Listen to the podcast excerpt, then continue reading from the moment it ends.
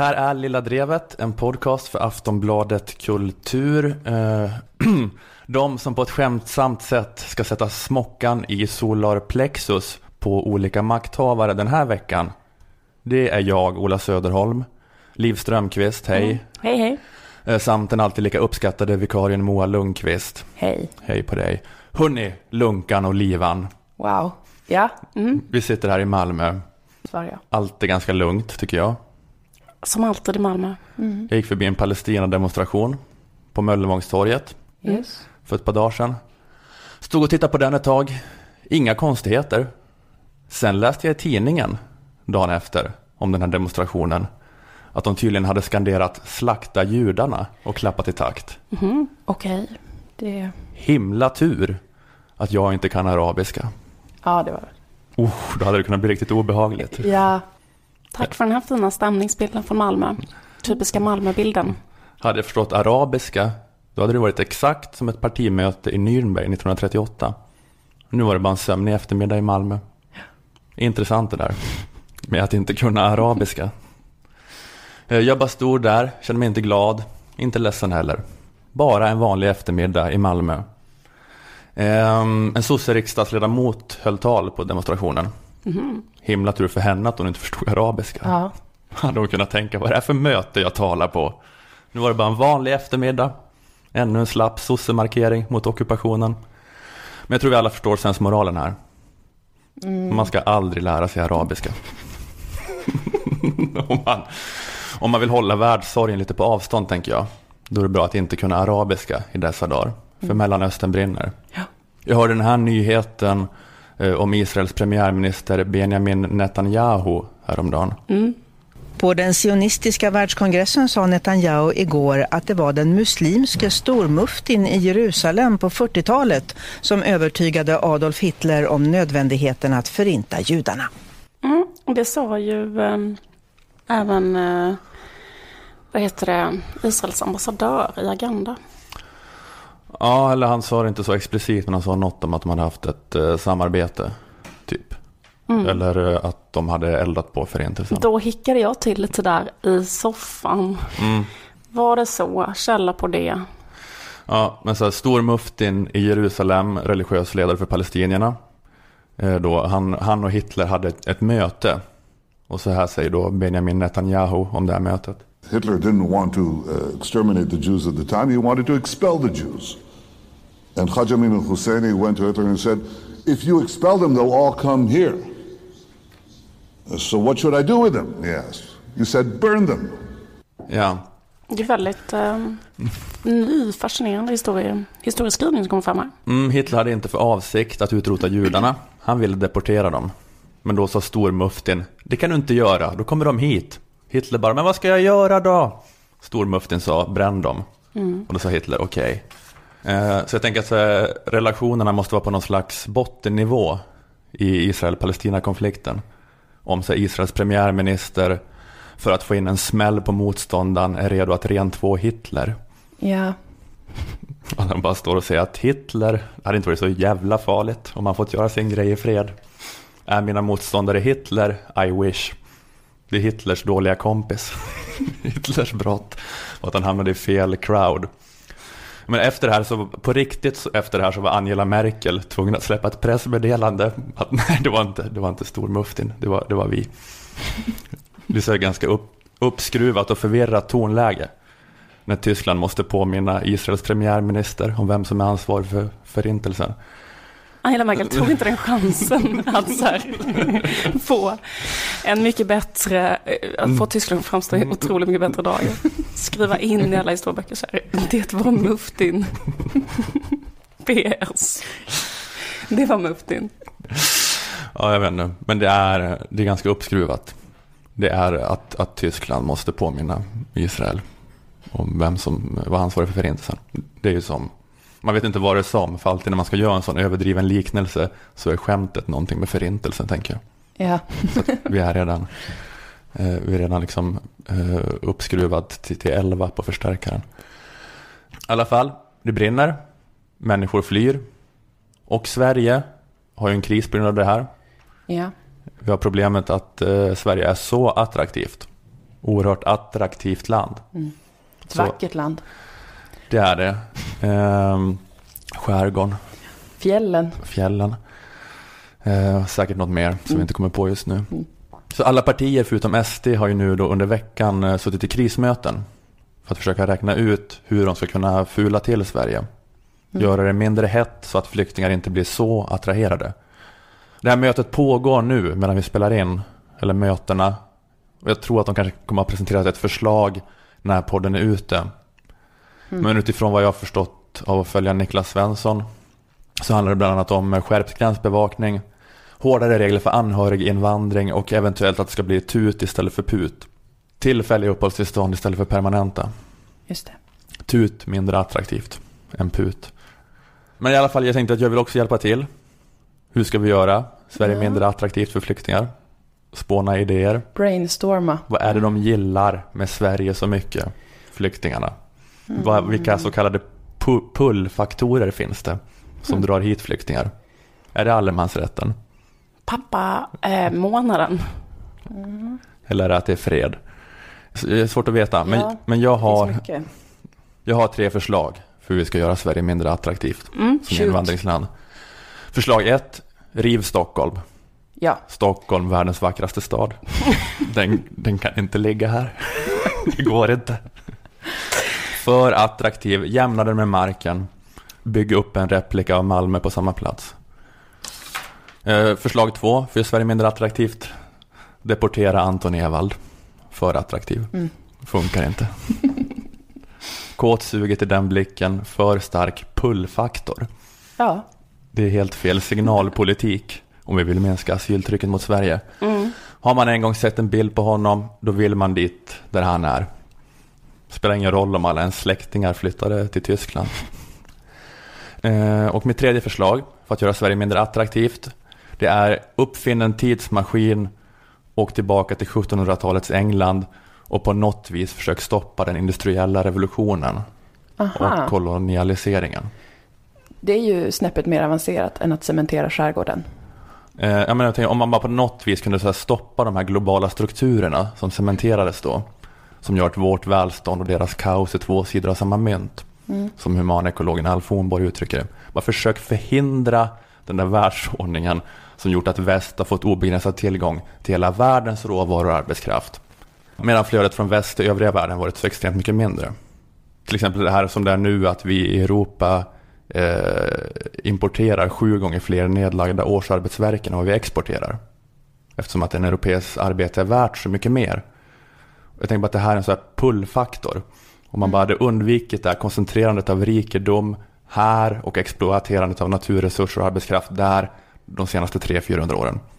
Det Det, det är felaktig signalpolitik har det varit Ja. de, under några sekler. Att hålla på och koncentrera festen här för mycket. Då tänkte jag, då hade, då ifall vi hade struntat i den, den signalpolitiken hade kanske varit färre människor som hade velat ta sig från dit till hit. Ja, det är mycket möjligt. Ja, det var mina tre tips i alla fall. Snyggt. Riv Stockholm, deportera Anton Ewald och tidsmaskin. Mm. Hoppas äh, sjuklövern lyssnar. Mm, ja, men ska vi köra igång då? Ja, vi gör det. Yes.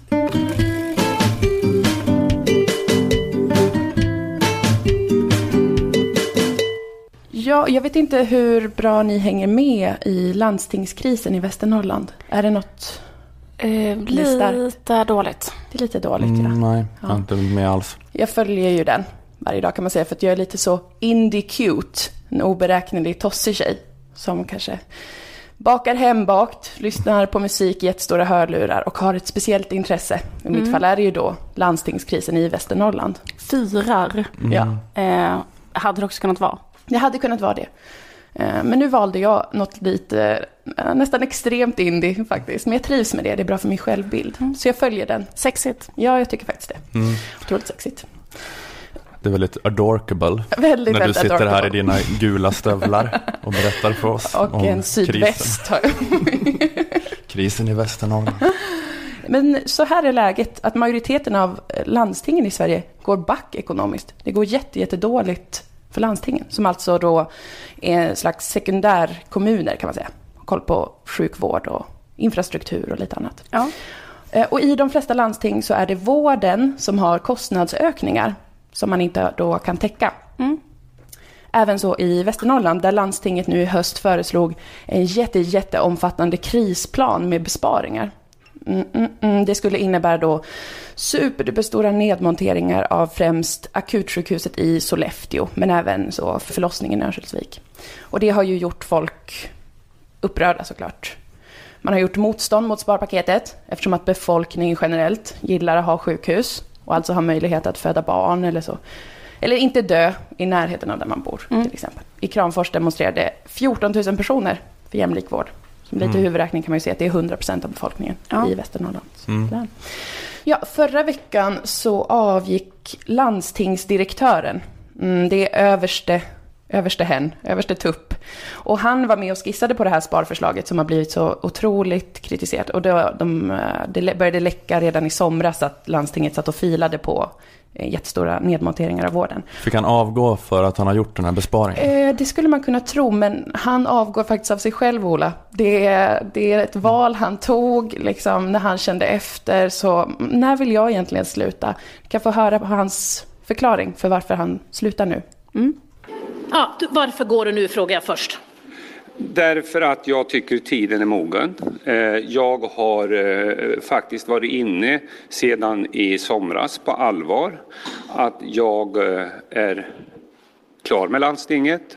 Sen de började, det är otrolig slump egentligen, men sen de började skissa på det här jättestora sparförslaget så har han känt en personlig utveckling att jag kanske inte vill fortsätta, kanske någon gång i, där i höst när folk får veta om det här otroligt stora sparkravet så kanske jag slutar. Han har skrivit in det i sin egen kompetensutvecklingsplan så. Jag känner alltid att jag är klar med ett jobb när den största ekonomiska krisen och tusentals människor demonstrerar på gatorna. Det är min cue, brukar han tänka. Han avgår av sig själv för att han är mogen, hans tid är här. Men han får ändå enligt avtal ut 12 månaders heltidslön.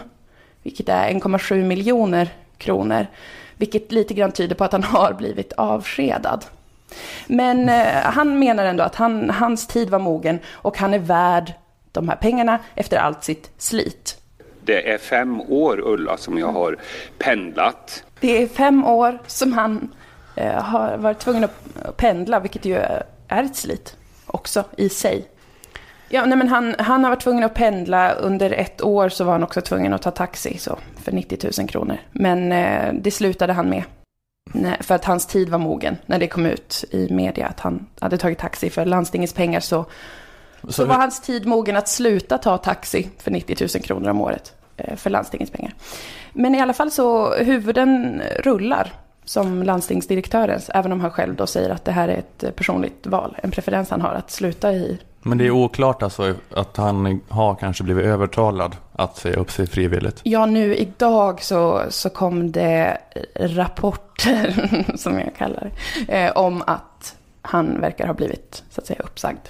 Men det här var den officiella förklaringen först då, att eh, Han har alltid velat egentligen eh, bli psykolog. Är inte det sån grej som folk blir när de är gamla? Man, Jo, terapeut kanske.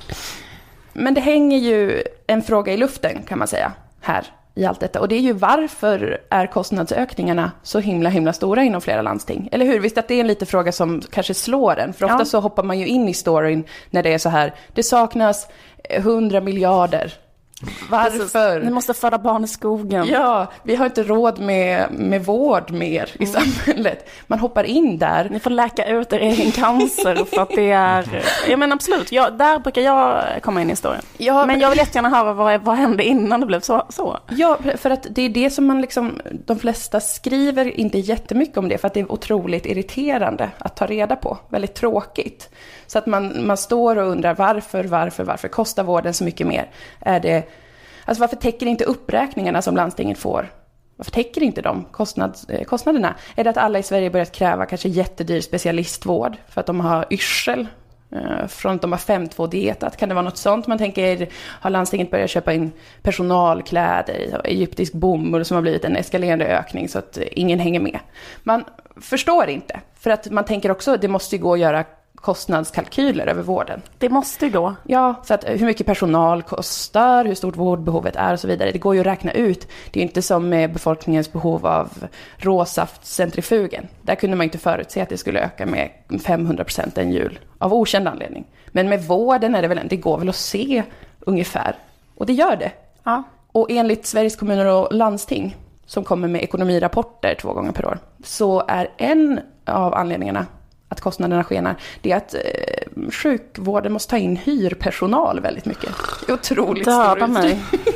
Jag orkar Och inte att det har anledningen. visat sig vara en jättestor kostnad. Det är självklart inte hela problemet, men det är ett, en ganska stor eh, kostnad. Jag blir så glad om du har egyptisk bomull. Att alla läkare får ha egyptisk bomull. Det, var, det verkar inte vara det. Och landstingen vet ju inte hur de ska göra med det här problemet som de har. Vissa testar att införa totalstopp för hyrpersonal. De får panik, de är så, då tar vi inte in en till hyrpersonal. Och då bränner alla i personalen ut sig ju. För att då är de ju underbemannade istället. Och så säger de upp sig och så blir personalbristen ännu större. Och patienterna kanske riskerar att eh, dö till exempel. Så det, det går ju inte riktigt att bara sätta stopp och därför landstingen vet inte hur de ska knäcka denna tankenöt. Det är omöjligt för dem att se vad som är kärnan i problemet. Färre och färre vill vara anställda hos landstinget, så vad kan de då göra förutom att ta in hyrpersonal som kostar mycket mer? Stänga vården är ju svaret de har kommit fram till, kan man säga. Föd barn i skogen, läk ut din egen cancer. De bara, det här har eskalerat och vi har ingen aning om hur vi ska kunna sätta stopp för det här. Men hyrpersonalen är hela tiden en effekt utav att, eh, Ja, personalbrist. ja, att de inte har lyckats anställa en person. Precis. Och sen så och då har de massa dyrare arbetstid hela tiden istället. Ja, exakt. Och en viss del, till viss del så behöver man ju ofta hyrpersonal eller liksom vikarier. Behöver man ju, men när det blir väldigt, väldigt många så är det väldigt dyrt. Det finns ju stafettläkare som det kallas som tar kanske 60 000 i månaden. Nej, i veckan menar jag såklart. Annars hade det varit underbetalt. Men det är alltså fruktansvärt svårt för landstingen att försöka komma på hur fan i helvete man ska göra med det här. Och i- september så sa eh, 16 specialistsköterskor upp sig från Sundsvalls länssjukhus. Det ligger ju då i Västernorrland, för alla som inte visste det. Eh, För att de inte fick en löneökning på 700 kronor som de ville ha för att inte ligga lägst i, i landet. Så, inom sin kategori. Och landstinget sa då att de pengarna absolut inte finns. Specialistsköterskorna sa upp sig och då blev Sundsvalls länssjukhus tvungna att då försöka rekrytera nya, men det kan ta väldigt lång tid. Så då är man tvungen att ta in hyrpersonal och det kostar ungefär tre gånger mer. Och landstinget bara, hur i fridens dagar kunde vi få den här kostnadsökningen, heter det, kostnadsökningen, på tre gånger mer? Hur kunde det? Situationen är som hönan och ägget för landstinget. Det är omöjligt att förstå vars problemet kommer ifrån. Allt de vet är att de både har personalbrist och hyrpersonal som är jättedyr. Och paniken är påtaglig. Problemet är att de här specialistsköterskorna inte förstår att någon måste ju ligga lägst. Precis. Någon inte i face- landet måste ju ligga lägst. Någon måste ju vara okej med att ha en tusing. Alla kan inte ha... Mm. Var det samma människor som de anställde? Jag vet inte, det, det skulle det kunna vara. möjligt. Det är möjligt. Men så det, går det att se någon lösning på den här otroligt svåra problematiken? Man vet inte, så är det ju med tankenötter, att ibland så kommer man aldrig liksom fram till någonting, för man vet inte vars det börjar. Det är så väldigt svårt. Ja, precis. Men det handlar om att man eh, måste höja skatten och göra mer betalt.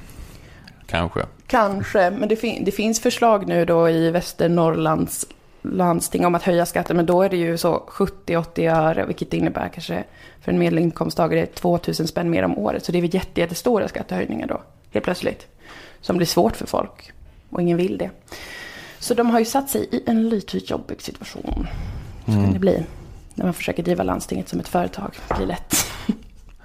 Ja, Blir lätt. jag skulle vilja säga någonting om Bomål-effekten. Men jag får lova att aldrig säga något om det igen. I den här podden. Vem har du lovat till? Mauro Scoccos bror. Jag tycker inte Mauro Scoccos bror ska få bestämma innehållet i den här Varför är podden. han Lilla Drevets redaktör? det var dagens Indie-nyheter om Västernorrland. Det här Ja. lilla, lilla, lilla eh, politiska problemet vi har. Men sluta använda den här podden för att ragga Moa. Jag tycker det bara känns försöker nå ut till alla som tycker det är väldigt indie-cute med Sluta, Västernorrlands bara sluta bara fiska efter lyssnare som Mm. letar efter en indie-cute. Jag vill ha en tjej som sjunger The Shins för mig. Hoppa i vattenfall och ehm, pratar om Västernorrlands landsting. Ja. Ja, men det Leta är, info om lönestatistiken på Sollefteå sjukhus. och sen baka muffins. vem är hon? Så att enigmatisk. Jag måste ta en paus så alla lyssnare kan gå och runka innan de fortsätter lyssna på nästa avsnitt. Nästa, nästa del av den här. Vilken underbart excentrisk människa där i den prickiga klänningen. Som kan allt om Västernorrlands landstingspolitik. Det är jag det. Ronny Sandahls musa. Conny Sandel står här nu och bankar på dörren. Sätt en stol, Ola, för dörren.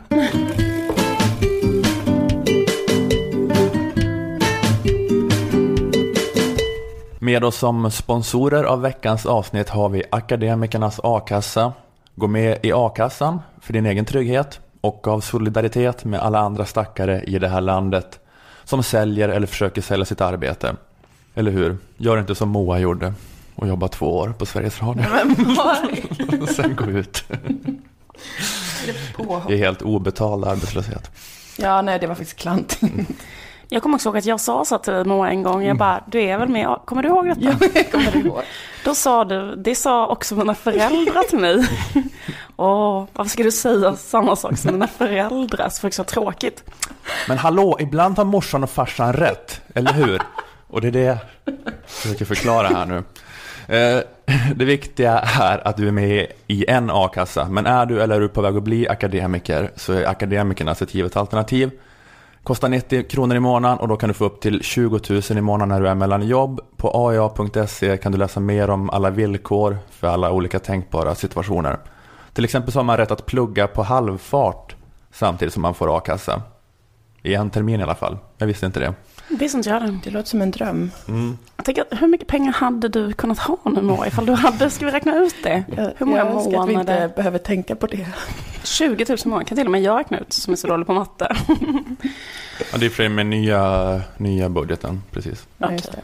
Ja, har du tagit steget och gått med i Akademikernas eller någon annan a-kassa tack vare den här podden, skriv gärna i din ansökan och snedstreck eller berätta om det i sociala medier under hashtag lilla drevet. 150 000 kanske?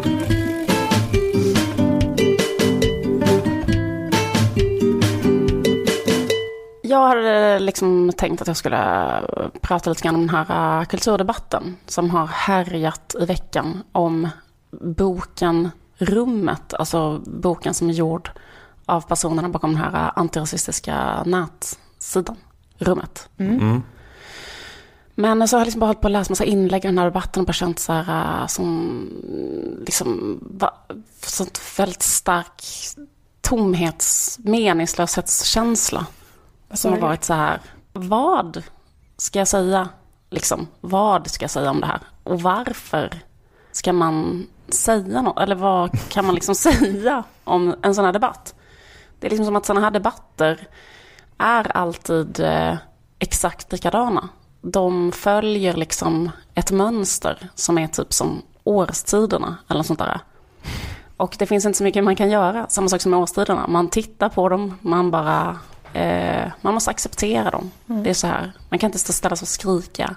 Varför faller löven av träden? Ibland blir man deprimerad, men Jag vill att de ska åka gå. uppåt nu, eller sånt där. Att det bara är så, att sådana här debatter alltid, alltid, alltid följer exakt samma fyra punkter med en obönhörlig konsekvens. Så vi ska lära oss bara ha någon slags zen-buddhistiskt förhållningssätt till det och bara acceptera Precis. världsordningen. Mm, förlåta varje ögonblick. Eller vad man brukar säga. Mindfulness. Förlåt varje ögonblick för att det är som det är. Alla dessa tweets, jag förlåter er. Jag tänkte bara säga hur det går till. De fyra stegen. I alla fall det första som händer i en sån här debatt, det som är liksom startskottet till en sån här debatt, det är ju att någon säger något som räknas som liksom över gränsen eh, av någon slags majoritetskonsensus.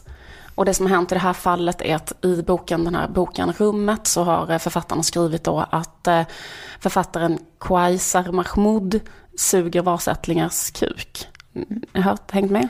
Ja, faktiskt hängt med. Det, ja, det var det första som kom ut från den här boken. Att olika eh, liberala åsiktspersoner eh, twittrade eh, för och rättat om det här. Precis.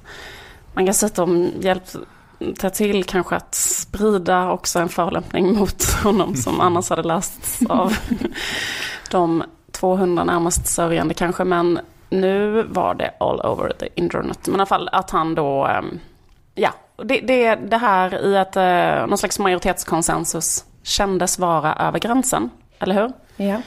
Och det kan man fråga sig, vad är anledningen till att någon från början gör det? Alltså säger något som förmodligen av eh, någon slags majoritetskonsensus känns så här, det här var lite magstarkt. Eller hur? Varför gör någon det? Varför säger inte alla bara det som aldrig känns? Exakt. Varför sitter inte alla bara i en samhällsdebatt och utväxlar en massa självklara, präktiga vettigheter? Det kan man fråga sig. Eh, Och svaret på det är nog att det bara är liksom lite tråkigt. Man kan sitta och skriva en bok om rasism, man blir lite uttråkad och man ska sitta och skriva av olika saker som Kofi Annan säger i FN med liksom 300 sidor. Det är bara liksom, det är liksom man bara skriver, man häller liksom lite salt i sin soppa. Typ så är det ju, tänker jag.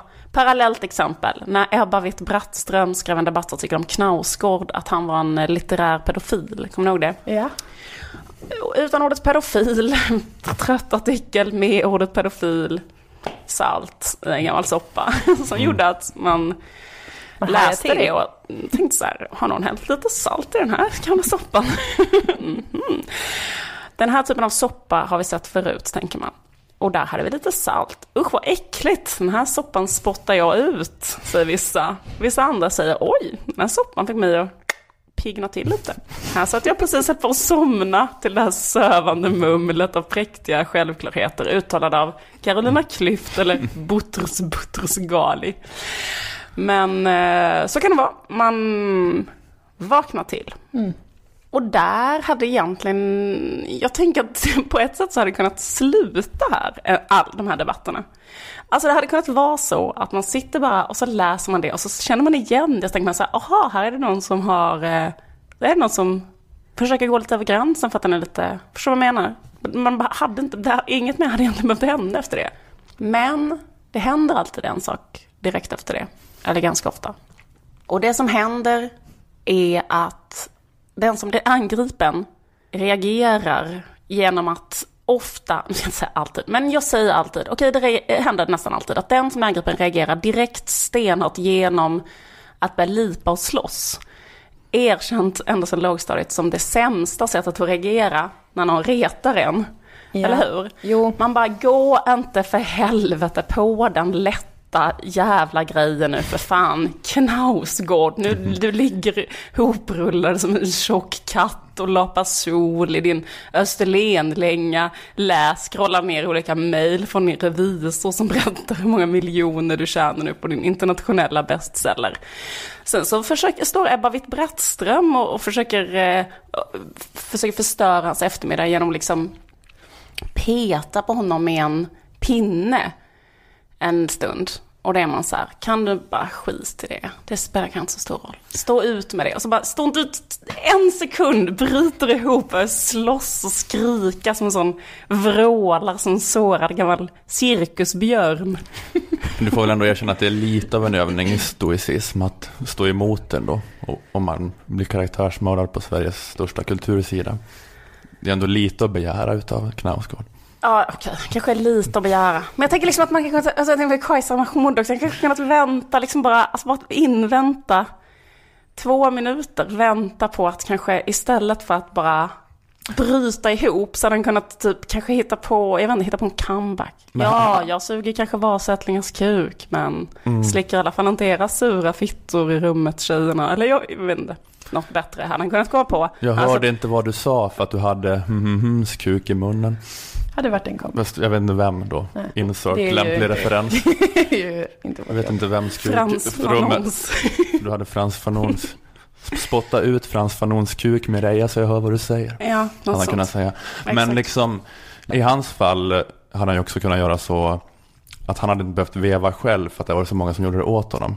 Han hade, hade kunnat låta... skriva bara en dikt eller med hjälp av konsten ta ställning. Men... Publicera en vacker dikt bara. Eller var det helt tyst och bara låtit Ivar Arpi och GPs ledare liksom sköta det åt honom. Skitsamma. Han får göra det. Jag säger inte att han har gjort fel. Han blev bara Eh, han hade kunnat också komma på en comeback, men istället så blev han direkt då gränslöst kränkt och gränslöst arg. Så arg så att det inte räckte för honom liksom att vara arg över saker som de här människorna verkligen har skrivit om honom. Utan han måste också fylla When you're ready to pop the question, the last thing you want to do is second guess the ring. At BlueNile.com you can design a one-of-a-kind ring with the ease and convenience of shopping online. Choose your diamond and setting. When you find the one, you'll get it delivered right to your door. Go to Bluenile.com and use promo code LISTEN to get $50 off your purchase of $500 or more. That's code LISTEN at Bluenile.com for $50 off your purchase. Bluenile.com code LISTEN. I grejer som de inte har skrivit, i hans text i Svenska Dagbladet under rubriken Rummet upprätthåller rasism så skrev han till exempel så här. Det är rasistiskt när rummet konsekvent använder sig av förminskande begrepp som onkel Tom och husneger för att beskriva liberala och konservativa personer med annan hudfärg än vit. Eh, och eh, att säga att de, har, att de konsekvent använder det i boken, det är, alltså jag har läst den här boken, en av få, en, en av de minoriteten i, i eh, den här debatten, som deltar i debatten, som har läst boken. Det gör de inte, utan de skriver ett ord en gång och det är ordet husblatte. Det finns med en enda gång i hela texten och då är det under en rubrik som är så här osensurerade tankar, typ eh, om jag som alla säger skulle gå med på att självcensur är fel, då skulle jag säga det här eller något sånt där. Så att det är liksom inte, jag tänker att det finns så jävla mycket saker han hade kunnat bli helt mm. tokig över om han hade läst boken. Eh, förmodligen skulle han eh, bli rosenrasande. Därför är han det skrev, dumt skrev att, att gå inte, på en grej som inte står i boken. Han skrev att han inte skulle läsa den, tror jag, någonstans. Ja, men precis. Men, men eh, han, eh, men, eh, eller har vi sagt det att eh, när det stod att han suger valsättlingars kuk, det var i någon sån där liksom det var väl någon slags husblatte utan att mm. använda det ordet. Att, att, han var en sån som fjäskar för svenskarna på något ja. sätt. Genom att vara en uh, duktig uh, invandrare som försöker vara svenska. Ja men precis, alltså det underförstådda det skulle inte behöva kanske vara det underförstådda. Det kanske bara var en positiv um, iakttagelse. På, på vad man lägger i, in i någon, många tycker bara det låter sexigt att mm. suga en valsättningskuk. Men mm. det var... Men, det, är, det är bra, bra krishantering av dem. Vadå? Det var en komplimang. Eller han hade kunnat tänka. Men det är liksom alltid vad som händer. Det första, utlösande faktorn. Andra, någon reagerar med att lipa och slåss. Tredje steget i den här, det här är det sämsta steget. Eh, alltså X säger något citat över gränsen om Y. Sen så börjar Y böla och slåss. Och steg tre, X börjar böla och slåss för att Y har börjat böla och slåss. Alltså så här. Om man säger något som är citat över gränsen, då håller man ju på med det som man i brist på bättre ord kallar för satir, eller kanske till och med provocerande satir. Eh, och liksom då eh, tycker jag att det är så konstigt. Man skriver en hel bok där man kanske liksom ganska medvetet pissar, eller liksom på olika så liberala åsiktspersoner som man inte alls håller med och så. Sen blir alla de här liberala åsiktspersonerna tokförbannade, skriver massa saker emot. Och då skriver man själv en debattartikel som är så här, varför, vi inte våra, varför tycker ni inte våra skämt är roliga? Rubriken var så här, vilkas skämt, förlåt, vilkas, vilkas skämt är inte kul? Det blir så jävla konstigt därför att rummets utopi kan ju inte vara så här. Jag önskar att eh, vi kunde skriva en hel bok där vi pissade på alla de här liberala ledarskribenterna utan att en enda liberal ledarskribent blev arg. Mm. Jag har en dröm, I have a dream, att um, mina barn en dag ska växa upp i en värld där de kan skriva en text om quasarmationsbarn, att de är husblattiga kuksugare och utan att en enda av quasarmationsbarn blir ledsna för det. Är det utopin? Nej, det är ju väldigt förvirrat det där. Jag har i och för sig inte läst eh, rummet personernas svarsartikel. Men var det, vilka skämt är inte inte kul att, att de bara vill försvara yttrandefriheten för vissa typer av skämt eller något sånt där. Ja, precis. Eller typ så här, jag menar bara vill se så här, okej, det här skämtet var inte okej, liksom, tydligen. Men jag menar så här, liksom att det är, väl, det, är väl egentligen, det är väl egentligen poängen av en sån undersökning då. Då gör man en undersökning som är så här, ifall jag säger det här om den här personen, vad händer då? Ja, då händer det här, den här personen blir jättearg och de har jättemycket medieutrymme. Nu har de skrivit alla de här artiklarna emot. Det är väl bara som det är. Det är väl liksom, det skulle kunna vara färdigt där, eller hur? Inte så här, va? Hur kan ni bli arga? Hur Nej, kan vi leva i en ja. värld där Mm. liberala ledarskribenter blir arga av att bli kallade kuksugande nazister av Nöjesguiden kommunister? Vart är världen på väg? Orkar inte leva. Vad händer med demokratin? Vad händer med yttrandefriheten? Vad händer med kärnvärdena i den liberala demokratin? Skitsamma. Jag Mm. Ja, tänker så här, de har skrivit det här för att peta på Mahmoud med sin pinne och sen när de gör det då vill de kanske, men på något sätt han ska bli sur någonstans. Eller i och för Mm. sig, det kan ju vara också så här att när någon blir sur på riktigt så ångrar man sig och tänker jag vill inte att han ska vara sur nu längre, för nu är inte det, nu är det inte så kul. Eh, det kan jag känna igen mig ofta. Är det inte också att de, eh, det är lite också med välja väg, att eh, det kanske är det problemet rummet personerna har, att de har skrivit så mycket, att de blir tagna på allvar som eh, seriösa debattörer så mycket också. Eller jag menar, de är ju inte Mr Cool. Har man valt Mr Cools väg, då kan man ju säga det, stå på knä och suga kuk hur som helst. Men eh, att det blir något så här problem med det där, när man ena stunden vill göra chockhumor och sen polemisera seriöst mot samma person i nästa stund. Ja, Kanske. precis. Kanske är det ett problem. Men jag vet inte, det känns ändå som att ganska, finns det ändå fler som gör det. Som på något sätt eh, deltar i någon slags lite seriös samhällsdebatt hela tiden. Parallellt som de är komiker och säger kanske, eh, typ, är inte många sådana? Jonas Gardell är väl typ sån, eller vad fan, Özz är väl sån, eller? Ja. Ja, jo men absolut. Ja, men det kanske mer handlar som du säger om att bara ta det. Bara ta att de blir arga. Ja men liksom om de, eller jag vet inte, de, de behöver inte heller ta det. De kan försvara, försvara sig. Jag tycker inte om det här. Det är bara att det är likt hela tiden. Eller jag vet inte vad man vill. Eller så, om man inte vill att han ska bli arg och det här ska hända ungefär det som hände. Då undrar jag vad man vill om man ska skriva en sån sak. Alltså, menar, för jag tänker, eller är, vill de så här att eh, Mahmoud ska bli omvänd? När han läser det så tänker han så här. Ja, Jag ser mig i spegeln. Nu är det jag som går med i kampen för nöjesguiden, kommunismen, gör global revolution, hjälper rummet-tjejerna att ta makten. Och börjar med en sån kulturrevolution där första steget är så här att släppa ut Lorenz på um, Sergels torg och tova upp hans små luggflätor. Och sen uh, tar man honom till en sån fotbollsarena där man inför en skränande pöbel hugger av Lorenz båda händerna så att han aldrig mer ska kunna fläta sådana små flätor i sin lugg igen. men det är Lorentz ett rött skynke i den här rummet-boken. Alltså. Det är ett tema. Att Lorenz har så här flätor i sin lugg. Det ska vara en sån skrikande pöbel av människor i färgglada tights. Klipp av honom fingrarna med sån plåtsax aldrig mer. Nej, Ja, det kan inte vara det då. Men de vill. Jag försöker vara lite rolig här. Jag försöker göra så att de är. Försöker göra chockhumor. Jag försöker göra chockhumor.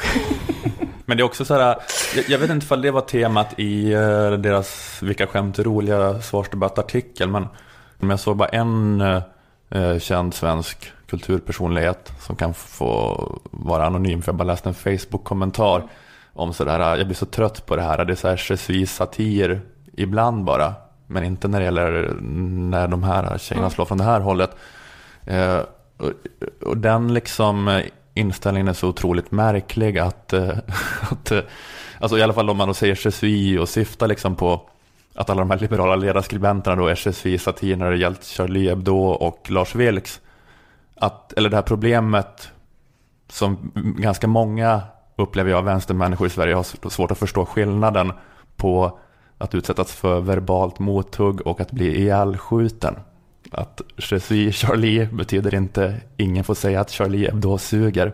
Det betyder ingen får skjuta ihjäl Charlie Hebdo eller Lars Vilks. Det är det som är skillnaden. Jag tror att Ivar Arpi hade varit jag i rummet också ifall hon hade stormat in på Galago och börjat skjuta. Tror jag. Men ska man inte börja backa dem innan de blir ihjälskjutna, Ola? Vad sa du? Man ska inte backa dem innan de blir Man ska säga ihjälskjutna. det är roligt att säga som Quaisar Mahmoud. För att för, det är, det är Shadow Det är så Charlie. jävla roligt. Jag alltid tyckt att det är roligt. Allting. Alla som har skrivit under på hashtaggen Jesus Charlie har så förbundit sig att skratta åt varenda skämt. Allt med rubriken satir är roligt. Det var det suis Charlie här, betydde. Du skrattar inte tillräckligt jävla fucking hjärtligt och den här otroligt roliga eh, karikatyren på en eh, utrikesminister som en apa. Varför skrattar du inte? Du är inte för yttrandefrihet, är det det som är problemet? Nej, bara ibland tydligen. Bara ibland tydligen. Du har förbundit att garva röven av dig vartenda, varenda grej som någon säger ett skämt. Du Ja, tyckte men- att det var fel när de sköt ihjäl dem där i Frankrike. Och nu skrattar du inte åt mitt skämt. Vad är det för jävla dubbelmoral? Jävla liberala ledarskribenter. Jo, jag skulle bara säga vad som var eh, slutet i den här debatten. Ja, den sista Den årstiden. sista årstiden när debatten eh, kommer till, sitt, till sin slutpunkt. Och det är liksom det absolut värsta steget för det gör att hela den här debatten för gott eh, liksom ballar ur och upplöses i någon form av surrealistiskt moln och aldrig mer kan gå, få återuppstå, och få på spår igen. Och det är lite grann som ett sånt slut som man, man, jag vet inte, man själv kanske skriver ett slut när man var liten och skulle skriva en saga och inte riktigt visste hur man skulle avsluta sagan. Kanske man slutar med att skriva ett Allt var bara en dröm. Ja, allt var en dröm eller det kommer ett stort monster att ta upp alla och så här. Och det, det är det steget jag kommer till. Och det är självklart att eh, Jasenko Selimovic skriver ett inlägg i debatten. Efter det är det bara, nu, det var slutpunkten. Och det gjorde han ju i eh, torsdags. Ja, det har hänt alltså. Det har hänt och då tänker jag liksom att det blir... eh, Det är ju som, den här, det är som det här Tre Kronor-slutet. Att allt sprängs, alla dör. Vi trodde... Vem är liksom...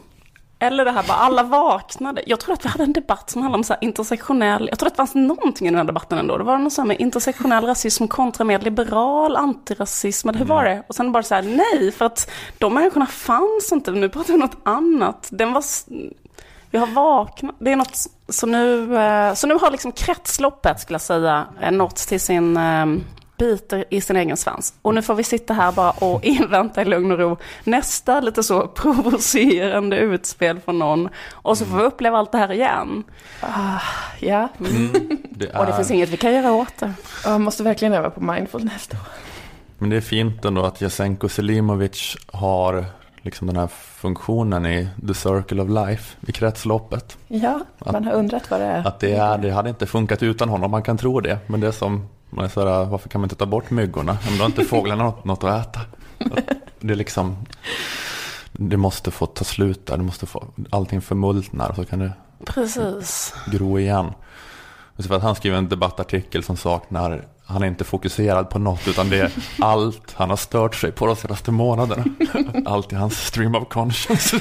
Om man angriper något, ett argument som aldrig har funnits i debatten. Skriver, svarar på citat som aldrig har eh, formulerats. Um, tillskriver personer saker som de aldrig någonsin har tyckt, alltså, och så vidare.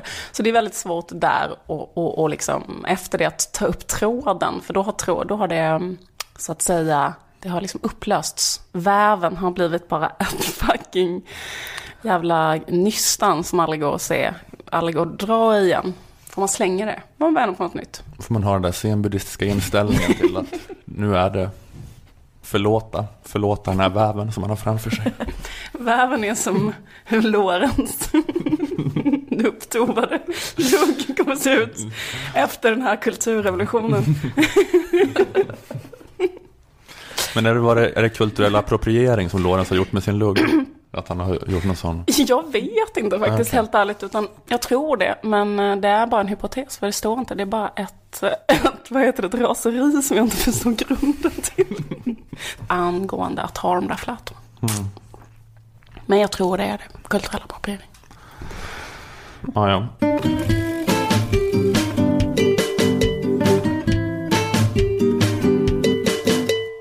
Jag sitter här och undrar vem i hela helvete är det som egentligen bär ansvaret för Paradise Hotel?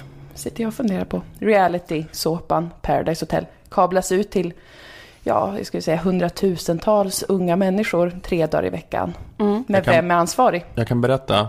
Mm. Eller jag, eh, det är en av mina bästa kompisar som är en av de ansvariga. Kommer jag- Paul Fredriksson, redaktör för Paradise Hotel. Jag är otroligt glad att du berättar det för mig. För att jag Men det kan ju inte kort- vara han, det måste ju vara kanalchefen. Ja, Jo, han, inte, han har också en producent ovanför sig så, men han, han, han jobbar med programmet. Men Det är väldigt bra att jag kommer få en kontaktperson som jag kan mejla. För att jag har känt liksom, var ska man vända sig för att få gehör när man känner att eh, som medborgare klarar jag inte av mer. För att jag, jag brukar säga som så att jag är helt okej med, med lite naket på tv. jag är okej, men det är okej med människor som är under 23 och som är inlåsta på ett hotell i Mexiko där de super och är filmade. Jag är okej med det, jag gillar det. Att det sups. Att det visas sex. Jag är okej med att se när Hermansson ber en av tjejerna pussa hans pung. Jag blir inte upprörd. Jag tycker det är roligt och skoj. Det är skönt att du inte håller på och sunkig moralism. Precis, jag har inga problem alls med Paradise Hotel egentligen. Nej. Det är underhållning. Men den här veckan så har det gått för långt. Och nu, Vad är det som har hänt? nu har det satan i mig gått för långt. Nu ska du gå Sivert Öholm on, their ass. Paradise Hotel har tagit in Färjan-Håkan. Färjan-Håkan, känd för att vara en reality-kung sen innan. Han har levt ett glatt liv som realitystjärna. Han är nu 47 år, kliniskt deprimerad. Egen diagnos som jag har ställt på Färjan-Håkan är inte hans egen, men jag ser det jag ser, kan man säga. Jag vet vad jag ser när jag kollar på Paradise Hotel den här veckan. Det är nästan omöjligt att titta på.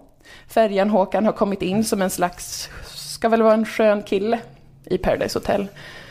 Servera drinkar ska han göra. Han ska sjunga karaoke ibland med de unga. Men han bär på en otrolig sorg som går igenom rutan. Han har lite dåligt självförtroende och känner sig kanske lite malplacerad. Och någon i redaktionen, någon ansvarig, borde kanske ha sett det här. Och istället för bara liksom lägga på festlig musik när han pratar som ska få oss tittare att känna som att det är ingen fara med färjan Håkan. Men det är fara med färjan Håkan. Men får jag fråga en sak? Förlåt om jag missar, är han med som en deltagare? Nej, han är bara med som en bartender och skön grabb som Per- kommer in och kanske säger så här, ni får göra de här valen i veckan mellan att eh, låsa fast den här personen med den. Den funktionen fyller han. Och att han är bartender då. Och, eh, Det är väl Dricka. ofta så i Paradise Hotel, de har ett tema varje vecka så kan de slänga in lite roliga karaktärer. Jag förstår. Jag bara undrar om han skulle vara med där och försöka linka med de här 23-åriga tjejerna eller om det var liksom en, han skulle försöka ta någon från någon och sådär. nej, han är med liksom som en eh, kul grej kan man säga. Att de har med Mm. Men problemet som gör att det känns olustigt är att han inte verkar vara i nog bra psykisk balans för att vara med i tv och vara full dygnet runt. Det är en sorg som jag inte vill behöva känna av när jag kollar på eh, ungdomar. Ja, jag fattar. Det är något som blir, blir liksom mer sorgligt när någon som är 47 är full varje dag på det där sättet. Och det kanske, jag vet inte om det är bara jag som känner det, men, men jag, vi har när han presenterar sig, så kan vi lyssna på, och då får man ju tänka bort den lustiga musiken i bakgrunden och bara höra på hans ton. Jag fick den känslan att, att ja, det här blir roligt och eh, de vart glada. Eh, men jag, jag kände, jag, jag ser mig själv som en vanlig kille och eh, så jag, jag tänkte, det är väl inget märkvärdigt att jag kommer hit. I och för sig, det kanske det är. Jag, jag bor ju inte i, i Sverige längre utan jag bor i Thailand. Så Det är så lite som man tror på sig själv i Paradise Hotel. Han är inte ens säker på att det är uppskattat att han är där. För han är ju bara en vanlig kille, men han de kanske vill ha dit han för att han bor inte i Sverige längre eller att det är något sånt, tänker färjan Håkan att det kanske är. Men du menar att han liksom, jag tycker inte det är så, alltså jag, jag måste du menar att han skulle vara mer, ha mer så här fucking självförtroende efter allt han har byggt upp eller liksom att han vet att han Ja. kan något. Jag känner att i en realityserie när det kommer in någon måste den vara så ratadoodle så har de alla deltagare kommer in och bara jag kommer styra det här och vinna det här. Och så nu kom, han, han är ju inte med i tävlingen givetvis. Han ska vara en skojig eh, del i inredningen antar jag, färgen Håkan. Eh, Men som sagt så blir det väldigt smärtsamt. Också att det är uppenbart, i början är alla väldigt glada över att han är där, men sen så står han ju mest på olika ställen. Och eh, det är inte heller alla där inne som vet faktiskt riktigt vem han är. Nej. Men eh, en ill på det också. Vet du vem Håkan är? Färjan-Håkan. Färjan-Håkan. Han serverar baren denna veckan. Aha, Han är så här reality-kändis i Sverige typ.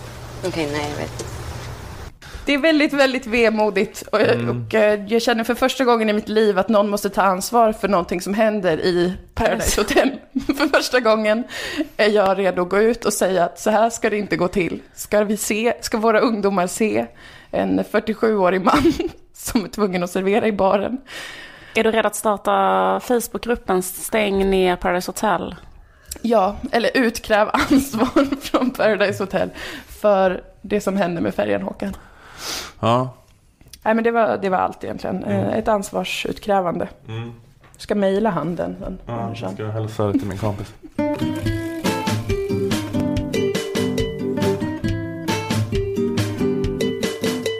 Jag eh, jobbar som mediakille. Grattis. Betyder att jag är bra på att nätverka med andra män. Mhm. Har det i blodet. På ett naturligt sätt skapa osynliga manliga maktstrukturer. Varför pratar du med så konstig röst? Har du en karaktär? Nej, det här är jag. Ditt riktiga jag. Du har bara pratat med annan röst alltid hittills. Till slut klev jag ur karaktär. Det är min karikatyr av en mediakille som Ja. pratar så. Nej men det går på ett väldigt liksom eh, smidigt otvunget sätt. Din Men- mediakarriär? Nej men med det här att bygga manliga nätverk. Ja, man, ja. behöver inte Mhm. vara, man, behöver inte, man behöver knappt säga det högt. Det är bara en blick. Man känner att man hör ihop, man stöttar varandra.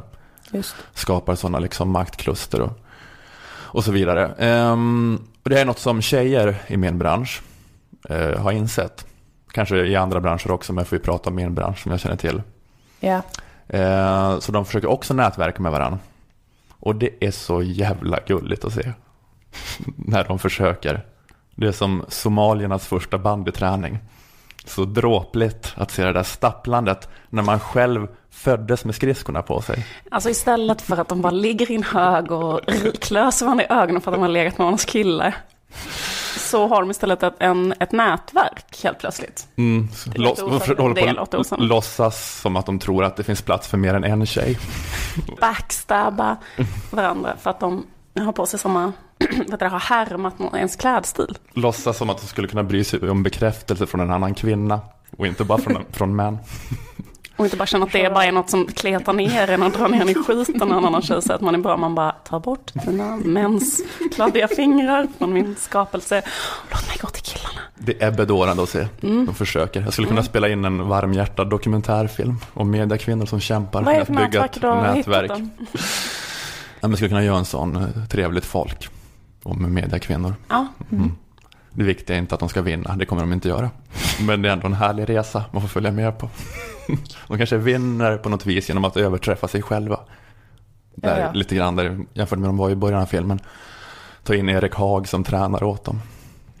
Kämpa med att bara få till någonting. Och Erik Haag är väl ett väldigt eh, dåligt exempel som har knullat sönder eh, alla de här Brommamammornas gemenskap. Men kanske kan vara Filip och Fredrik bara rakt av igen. Ja, jo det är ju faktiskt sant. Det ska ju vara Filip och Fredrik. Ja, men jag vet inte om ni så här kanske följer några mediekvinnor på sociala medier. Jo visst, Där- jag gör det i alla fall. Ja, kanske gör det. Där, där kan man se hur de, citat, nätverkar. Och de är inte direkt subtila. Det är ju alltså så här att de lägger upp en bild på en av sina mediatjejkompisar och så skriver de Detta geni! Sen är det en bild på en random utlasad P3 Researcher. Och jaha, geni. Där ser man. Är du säker? Geni är det lämpliga tillmälet nu. Eh, Jag kommer ihåg en gång när jag var med i Moa Svans talkshow. Och då så presenterade hon mig så här. Hon bara, här kommer ett geni. Liv Strömquist. Och så så här, vad, vad tänker du på när jag säger, tittar på dig och säger så här, du är ett geni. Och alla tänker att du är ett geni. Och så, så var jag lite så här förlägen, vad nej men då känner jag väl så här, det finns en överanvändning av ordet geni, tänker jag då kanske, hehe. Och så tittar hon på mig och så bara, det är bara ett geni som skulle komma på att säga det som du sa just nu. Det går inte att ta sig ur det här geniskapet. Vad den hur jag försöker, försöker tassa ut det här jävla geniskapet så bara allt jag gör, gör. Men gör jag så jävla Kan du genialiskt. snubbla på ett sätt som inte är genialt? Ja men precis. Nej men det är svårt för sådana som mig. Men fortsätt. Sådana jävla geni. Ja, ja.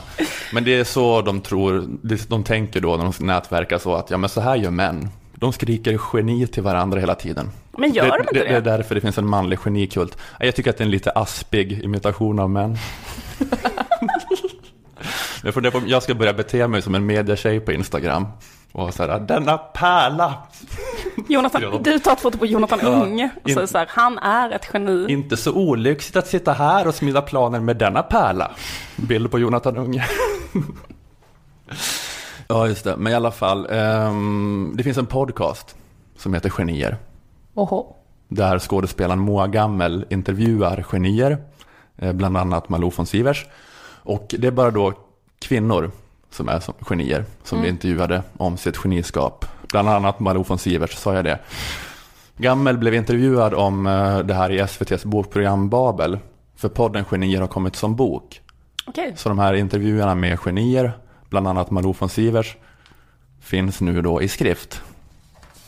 Eh, och de pratar då om titeln på eh, Gammels podd och bok, alltså genier. Eh, titeln är bara genier. Hon ville komma bort från det här med att man säger damfotboll och kvinnliga regissörer. Att det kvinnligen ska vara något eh, avvikande. För du har ju undvikit det medvetet, Mm. att inte säga kvinnliga genier utan bara genier. Vad har du fått för reaktioner på det? att alla direkt säger kvinnligt oavsett. Att det är liksom det man, man tolkar in direkt. Eh, ja, jag gick ju i den fällan här. Jag sa kvinnliga genier. Ja. Eh, mm. Pinigt. Eh, Men jag fattar då att man vill undvika, behöva lägga, in, eh, lägga till ordet kvinnliga. Men jag tänker att det är ännu bättre om man också undviker ordet genier. Att det är snyggare om det inte är i rubriken. Utan det är en slutsats som publiken då får dra själva om de vill. Men jag tänker att man löser inte problemet med att det känns som något avvikande genom att ta bort ordet kvinnliga. Utan det avvikande och då citat kvinnliga sitter snarare i att geni basuneras ut i rubriken. Det behöver inte göras om Erik Skylt intervjuar Lars Norén eller Knausgård. Då är det, lite mer underförstått. Det är ett listigare knep då som män använder. Subtilt. Ja, Insinuera istället. Lägga in mellan raderna. precis. Ja, men jag, förstår liksom och stöttar ambitionen att bygga upp då nätverken och kanonisera kvinnor. Men jag tänker att lite effektivare om man jobbade lite mer subtilt ibland då. Men är det inte ett försök att ta tillbaka ordet genier och bara göra det till ett eh, ord som kan betyda random person?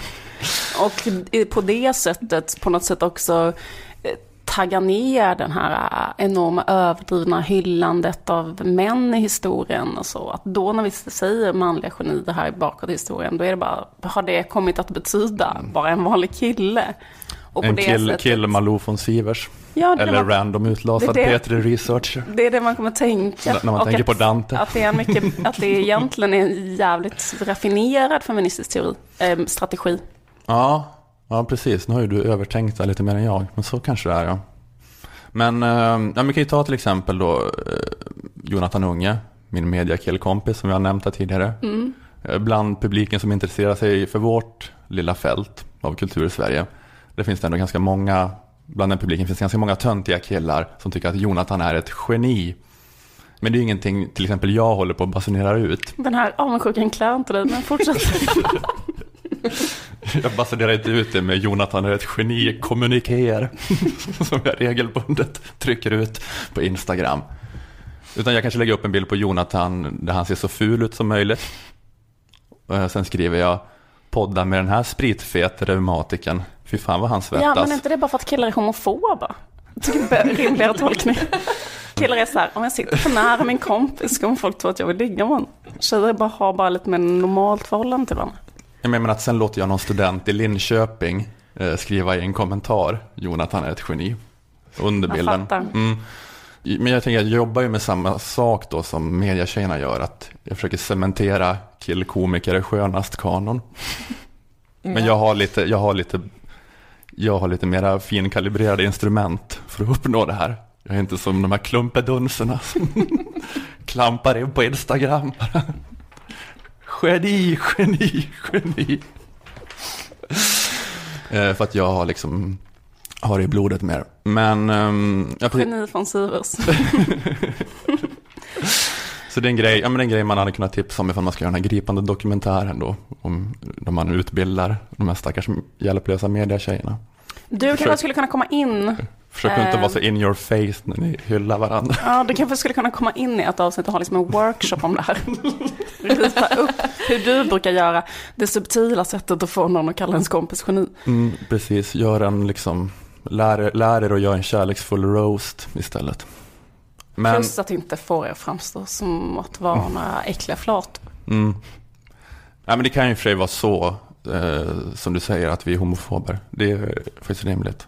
Eller att bara tjejer är bättre på att vara kompisar med varandra. Mm. Det kanske det är det här är ett uttryck för. bättre på Lite intimitet. trevligare. Lite trevligare. Lite härligare. Är bättre på att peppa varandra överhuvudtaget. Något av det är det ju. Mm. Så det kanske är eh, egentligen en mycket bättre taktik. Men eh, ja, fast det är ju något som...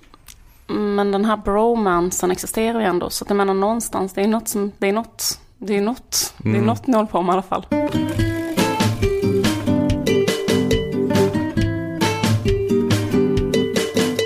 Ja, men då är vi igenom det här. Det har tagit rätt lång tid för att vi har haft eh, brusstörningar.